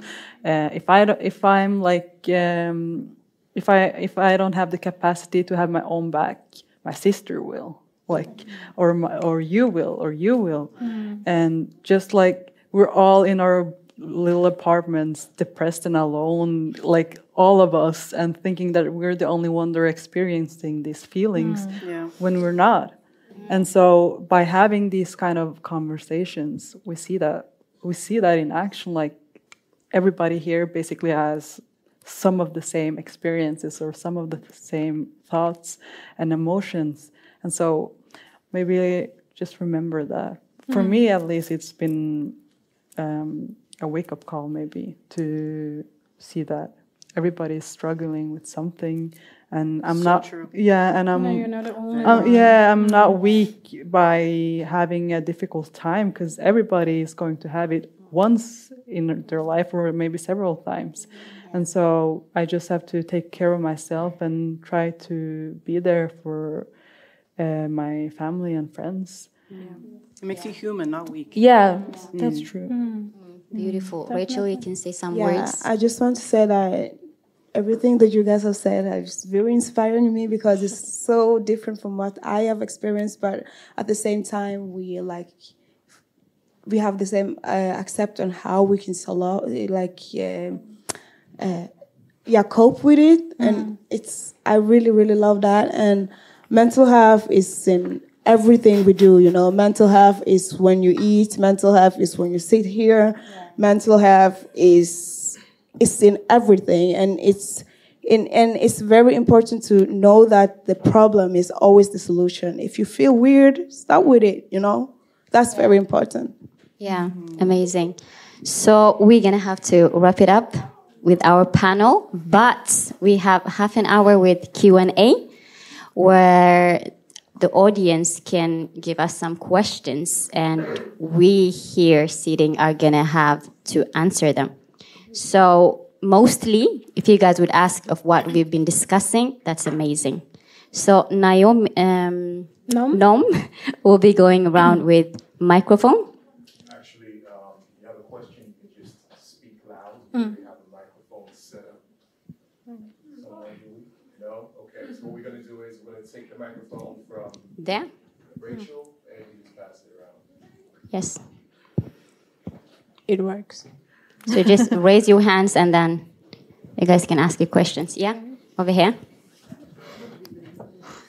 Hello. Um, I want to say it was really powerful listening to all of you speak, and I'm very grateful to listen to all of you. Um, I just had a question because I think Anina mentioned earlier about women protecting their men and their maybe uh, brother figures and etc. So I was wondering, what would you want men to do? That's a good question, though. Wow! That's a good question. Let me get asked the question. Anina, you're going to have to answer that. Let me start seeing in the li- How much time do you have? Is it a question to Anina or to? yeah. Yeah. I mean, thank you for asking that question. Mm. I mean, first of all, the fact that you're even asking that question is so important. Mm. I mean, you're already doing something by being here and listening to us. Mm. That's the first thing that we need for you to listen to us. And and actually like so you're already starting to do like this is like because just like Rahima said, being asked, "How are you?" Mm, you know, how are you? And then secondly, next to listening to us and asking us questions, believing us, mm-hmm. believing us when we tell these things. Yeah, thank you. but but but I think those are the two start points that anyone can do. It's just really ask women, especially black women, like how how how are you? How was this for you? How are you experiencing this? How are you experiencing this? Because often the things that we hear is, oh, I, I've literally heard this before. Oh, I don't experience that women experience oppression. I wonder why. but like really just ask people, like, how is this for you? Honestly, I want to hear how it is. And then believe them. And then maybe ask individually, what do you need from me? Like, what can I do? How can I be there for you? And sometimes mm-hmm. it really is only just being there for someone and mm. being this support tool, you know? Because often in situations like this, we see an overwhelming support from other women. But those are the people that's just like preaching to the choir. They know already. Mm. So we need to be together in this. So yeah, I would say like start start with these things that we can all do, you know? So thank you for that question. Yeah. Anita also wants to answer on that. I love you. I love you for asking that question. um, um, the, reason, the reason why I was so eager to answer this question is because black women, not just any type of woman, but black women need um, emotional, um, emotional support Yeah. in every way or form. Because the black women have been neglected in so many ways Still are. Still like are. like we like we spoke about before the black woman you are um you do a fundamenta right? You you are fundament the ground of, of everything. We are supposed to support your family. You're supposed to support your children. You are supposed to be submissive to your husband. You're supposed to help around with everything. And in that process you are so overwhelmed. And uh, in that moment in time you have no time to actually express yourself. Mm. And when it gets to that point when you actually express yourself and then some people might view it oh here we go again she's nagging. Mm. Ah, you know and then that's that's the first first um, failure because then you are not really listening because this woman have probably already told you from A to Z what the problem is, how you can fix it. you just have to listen and listen actively and then okay, I've heard you and give her that emotional and physical support. Yeah. That's what the black woman need, physical and emotional support.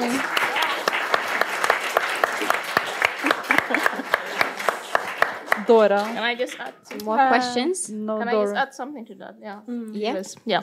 Um, I think also it's important that um, the men, okay, to to get also mental health care because we women, I think we are we, we are good at seeking help, you know, because most men don't. This is very true. Thank very you. true. most men suffer internally; they don't seek help.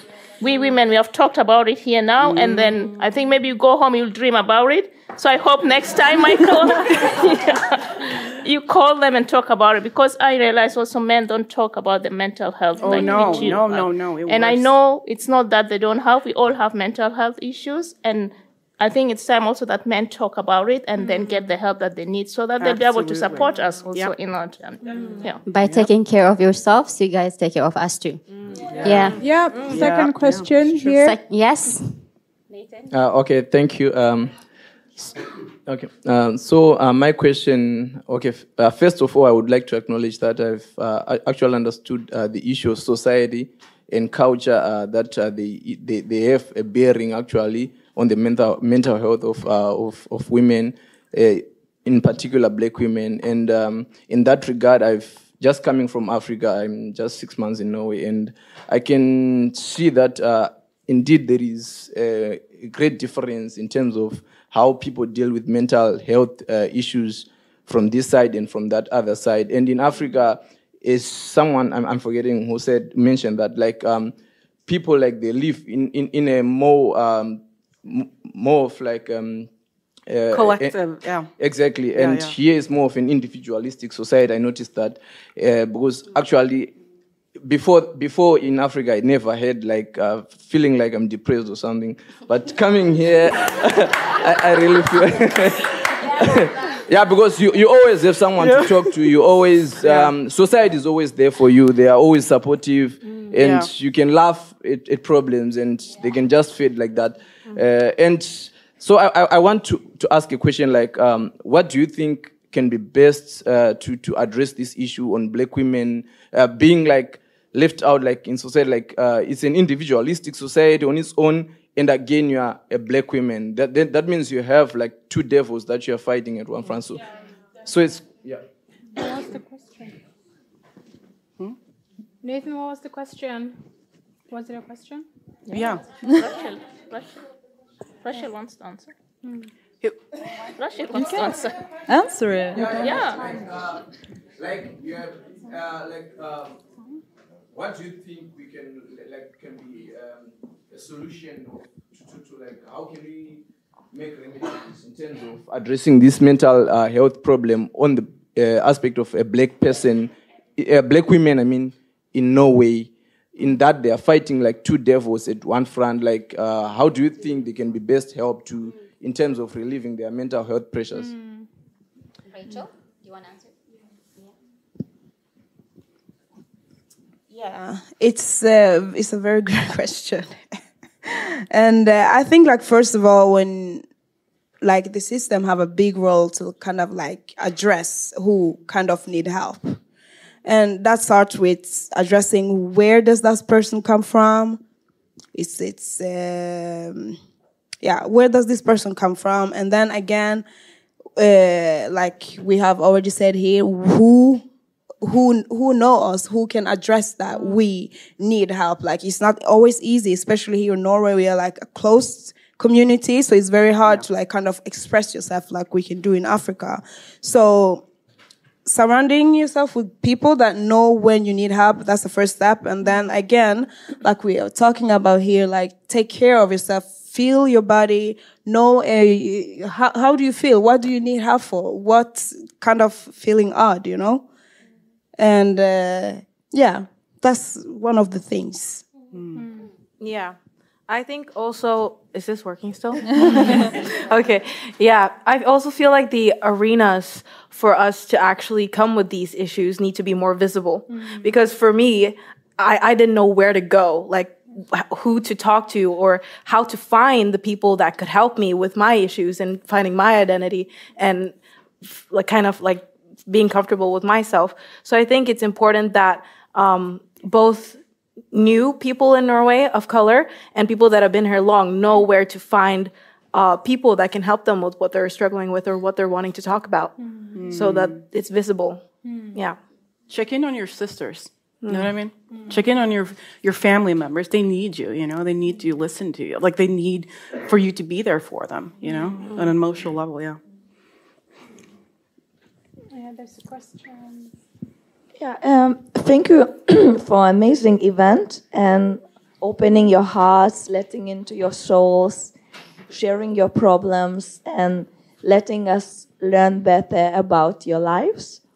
And we see so many people here, so it seems like many people are interested, and it's been very interesting. And for me, it seems like a kind of therapy as well. So I have this uh, question for you. Do you experience this event tonight as a therapy? And if we're gonna be more events in the future? Yeah, you can answer. All right. I'll start. I am Um, next. Yes. So me and Patience want to answer this. um, for me personally, this not only today when we're having the panel, but me and Patience working on this, meeting in the cafes, in restaurants, and talking about this matter has been actually therapy itself. It has been like for the past months.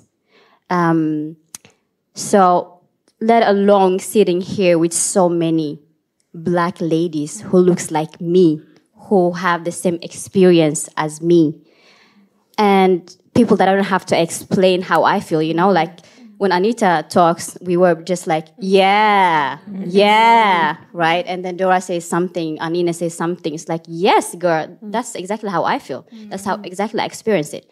So, and us as humans being understood, and especially for black ladies who've been living and feeling like neglected and not understood. Like, you have to understand everyone around you, but you're so lucky if you find one person understanding you.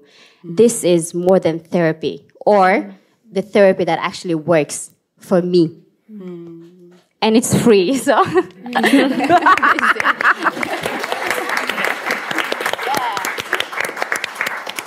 Yeah. Um, uh, 15 minutes. So. Can Okay, I can let I just add to that? Can I just say that I also fe- felt like this was very therapeutic Mhm. because to me this is such a like a rare thing to see this. This is extremely rare for me to be surrounded by these beautiful black women and feeling like you said I just suddenly I just belong in a sense. It's just like and and think about that like we don't walk around feeling that.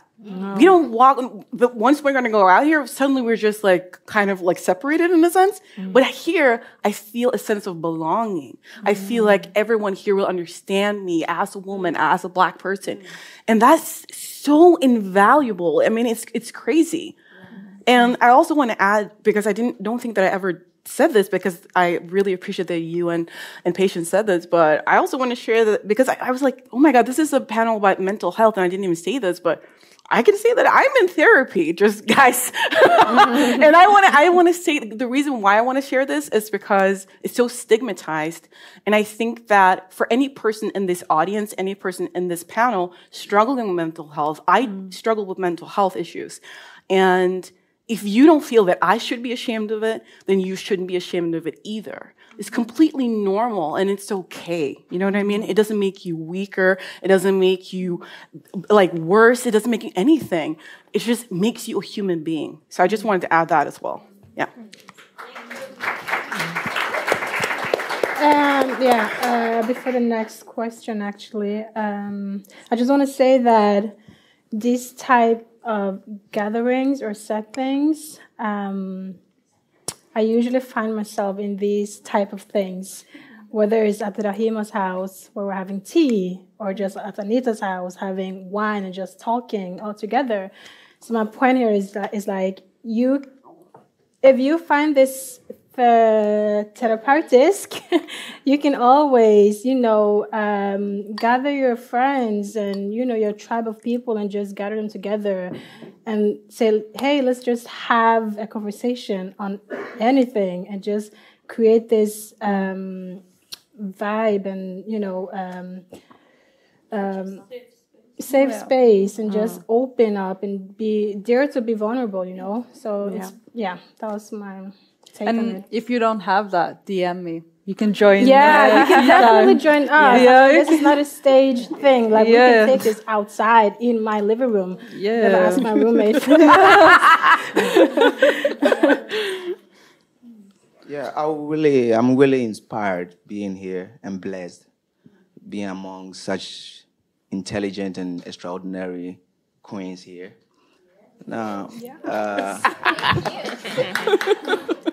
I really feel like we're far away from home, and for most of us being from Africa or uh, South America or Asia, I feel like uh, we're far away from home. And for me, I was religious, but I'm not religious anymore. So the black woman is my God, and I feel like.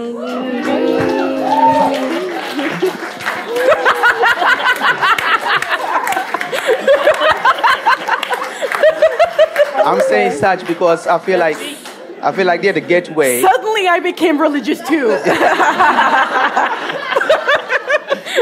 yeah, I feel like they're the gateway to life because of my liking.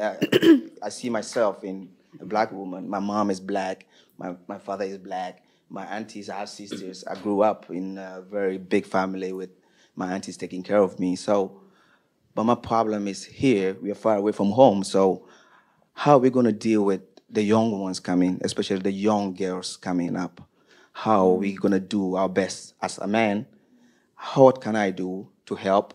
And uh, because I have a little sister and even a little brother too that I think also struggles here, racism, all Mm. that. So what can we do? All of us, like black, even we're in, we're trying to integrate, like to live here because most of the people came here because their struggles. Maybe there was a war, there was a, something happening. That's why we're all here. Because if you see us, we're different.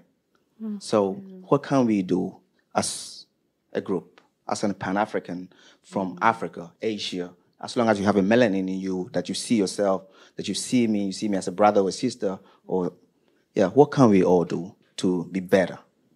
Yeah. Anita? Um, this is um, this is not only for the black people because there are a lot of white people in the audience, and half of my family is white, and um, this is important to make um, a visibility of mental health amongst black women. That's the first thing, and I feel like we somehow we have emphasized on the fact that we have shared experience, but um, to interpret that to our white parties can sometimes be hard because we feel like we are not meant we are not met um, halfway. They won't be able to understand us and that takes a lot of education for us to educate them on okay what is this? How i'm feeling this? And why am i feeling this way? And they are not going to be able to relate to that because they haven't experienced it. But one of the um, things we can do is actually educate them, even though it is one of the hardest things to do to educate someone else. But I feel like people won't be aware of of these issues amongst us and why we feel so so different if we don't um, give them the information and the education that they need need of why we are feeling this way, why we are feeling excluded, why we are feeling these emotions. Because if they don't know, then the circle continues. We will be offended. We will be hurt. We, at the end of the day, it's hurting us again. So, yes, it's not our responsibility to educate these people, but then again, it is our responsibility to make them aware of why we are feeling the way we are feeling and why we are feeling excluded from the society and why this is having an impact on our mental health. So we should definitely include our white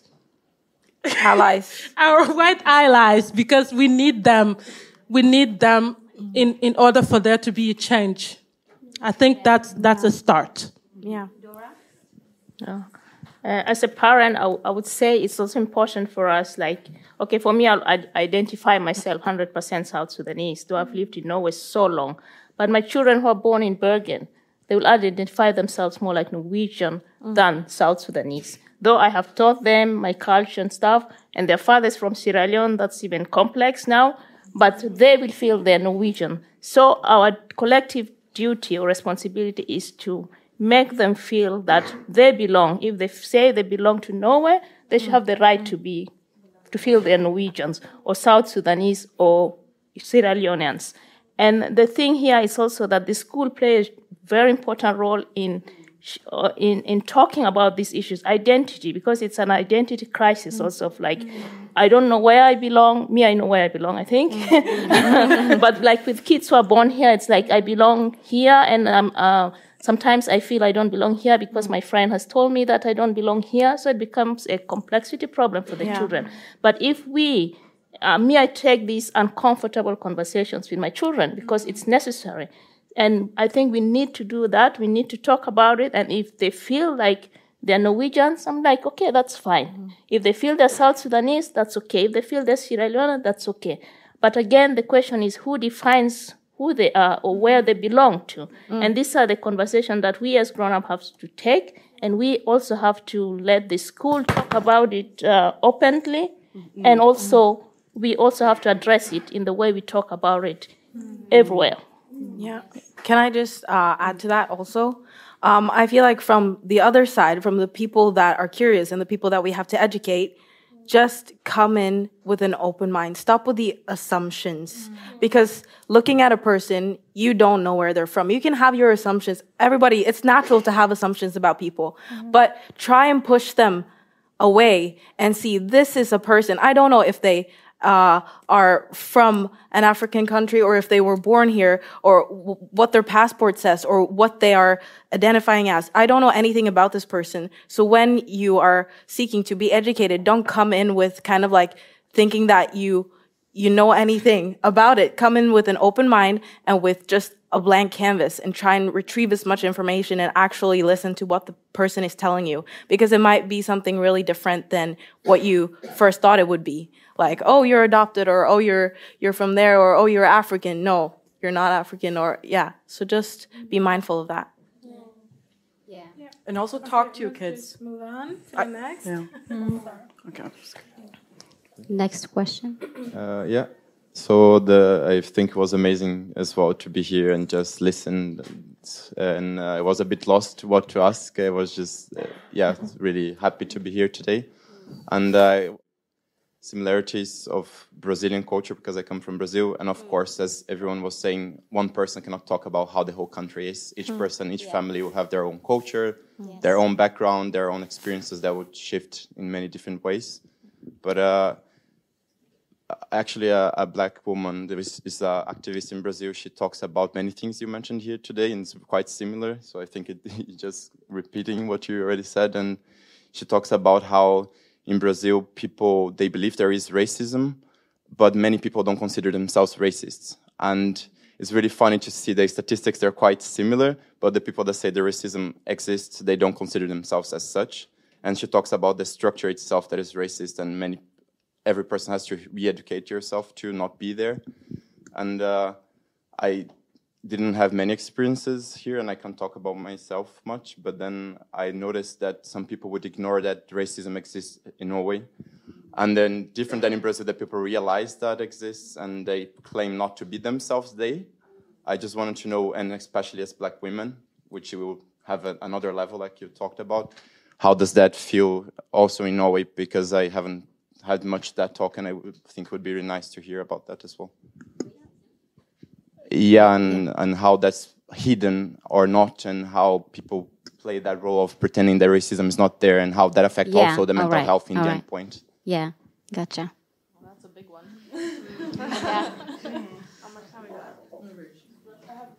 We have five minutes. Mm-hmm. Uh, I have some of uh, like it was hard to grow up here. Like it was a lot of racism. I came first up in the north in Vadsø, and then there was uh, a lady like uh, was asking me like I had my afro, and then she said like I remember when I was younger, I wanted to have a nigger doll. How am I supposed to react on that? Is that racism? Is it? I felt very bad. I was like, wow. I felt, yeah, I felt, I didn't know how to react because I wanted to be kind and, and uh, kind of a, a response in a kind of uh, uh, good way, you know. I didn't want to like get angry, you know. But I told this lady to just educate herself in what she's really saying, you know. She can say that if she really feel good about it, but I don't want her to say it to me or other one or other people that that that doesn't want to use that word. That was just an example.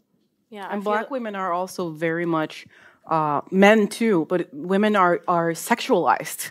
They're sexualized and fetishized and exotified, and those are that's really something that we experience when you. I have black female friends who are you know asked how much they want. You know what I mean? It- you know, there's a lot of things that the black woman specifically will experience, and even within that, there there is colorism. So someone who is from that part of the, you know, that they will experience something, but not the other person. Mm. So you know, there's so many layers to it. Um, and having comments, like you said, such ignorant comments, but then specifically to me as a black brown woman that, you know, I've never kissed a Negro before, you know, stuff like that. Or black women are so much better in bed, you know, it's, it's, it's yeah, you hear things that are very shocking. You know what I mean? And that's the, that's, you know, hence ask us, ask us what we experience because you will not hear the same things said from that person's mouth that they will feel comfortable saying to Rachel, to me, to anyone on this panel. You know, you don't know until we, you know, you're told.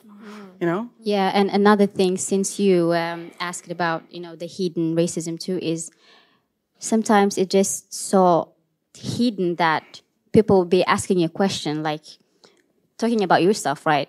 Where you from? No, no, no, no. What have you done? No, no, no. And then when you tell them of your achievements, for example, they will be like, "What?" Mm. As if it's not expected from a black person, a black lady, Especially. specifically, right? Mm-hmm. So these are like one of the examples that I can mention that I've experienced myself. That is hidden racism. You know, they're not saying it that you're less, but their expression is saying much more than what they ever could have said with words. Mhm. Actually, yeah. All right. Thank you. Uh, so, as I said, I'm uh, Arabic, and I have heard a lot of stuff for being a black woman, for being Arabic, for being Muslim, for being um, whatever you want. I I've heard it all, so, uh, and I've learned like um, I in a couple of months I have noticed people with uh, uh, ask two kind of people asking questions. One of them will ask you and they are uh, looking for an answer. They they want to learn. They want to know the truth. And you have others that asked me question, and when I answered, they were like, "Yeah, but I know a friend that didn't actually. Uh, yeah, that didn't happen to my friend. Yeah, yeah. They want to argue. They they don't want to hear the answer. And I have many people in my life, um, my work, uh, um, and friends. Uh, yeah, they like in my face. They say something, but uh, immediately when I just turn around, I, yeah, I notice and I feel it, and I know that ha- they have changed what they just say to me. So yeah, many things in your face, uh, something in back in your in your back is something else. Like yeah. yeah. I think we can take one last question, and that's it. Yeah.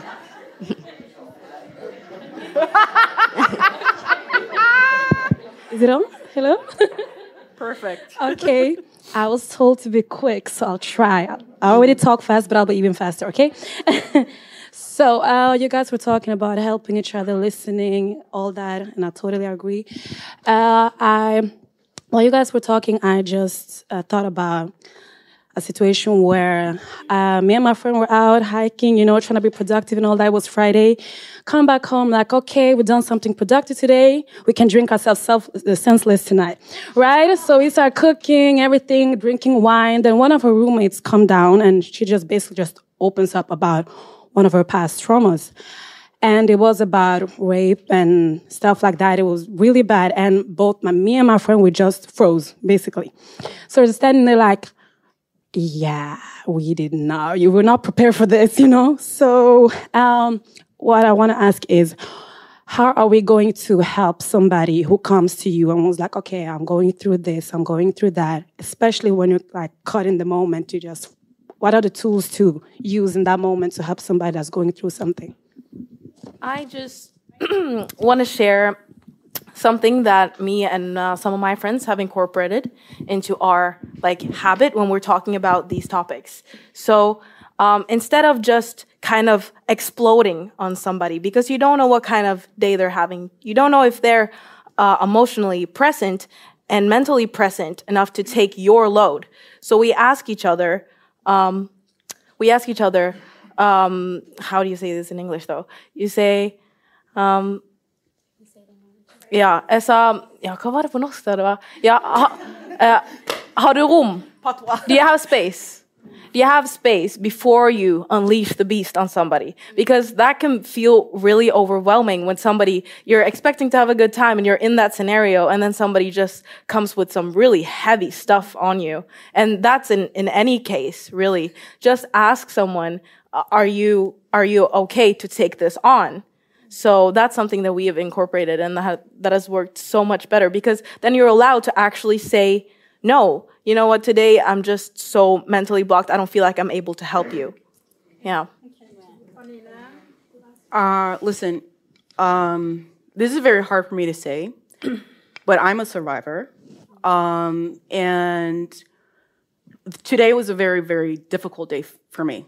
Um, every uh, 8th of March is a very difficult date for me because it's uh, the anniversary of one of the assaults that I experienced. And coming here, when I didn't feel really good, this really helped me just being here.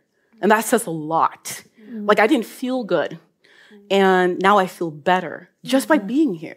You know what I mean? It's the same day. It's, I'm the same person. But being here, feeling the love, the understanding, the, the empathy and the compassion and, and people listening, even though we weren't talking about that, mm-hmm. helped me. So I know I have so much compassion for a friend. And also, I know that in this room, there are so many other survivors because it's such a common problem, as we all know. And sometimes all that someone needs is just compassion mm. and just you listening. I know that it can be super, super overwhelming and shocking. And like you said, it's just like, whoa, because it's such a huge thing. But understand one thing you don't have to fix it. This is, mm. this is very important. You don't have to fix it. Mm. Just be there.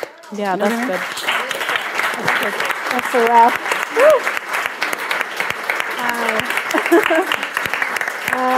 um, um the last card got me quite emotional, all of my feelings. uh, however, um, it's a wrap. Uh, thank you so much, everybody, for you know, joining us.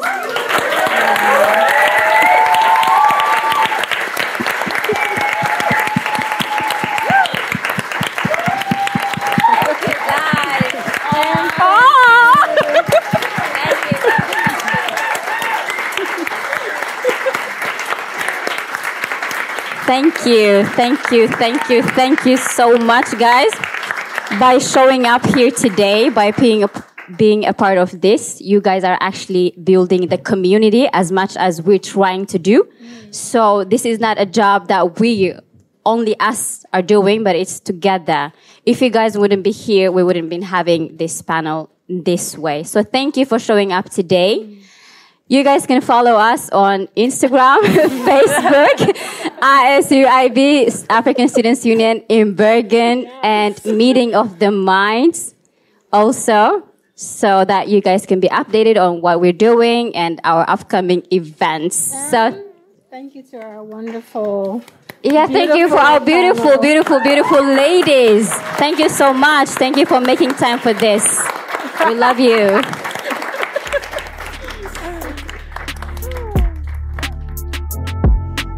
This Meeting of the Mind podcast is brought to you by Slam Poetry Bergen in conjunction and collaboration with the House of Literature in Bergen.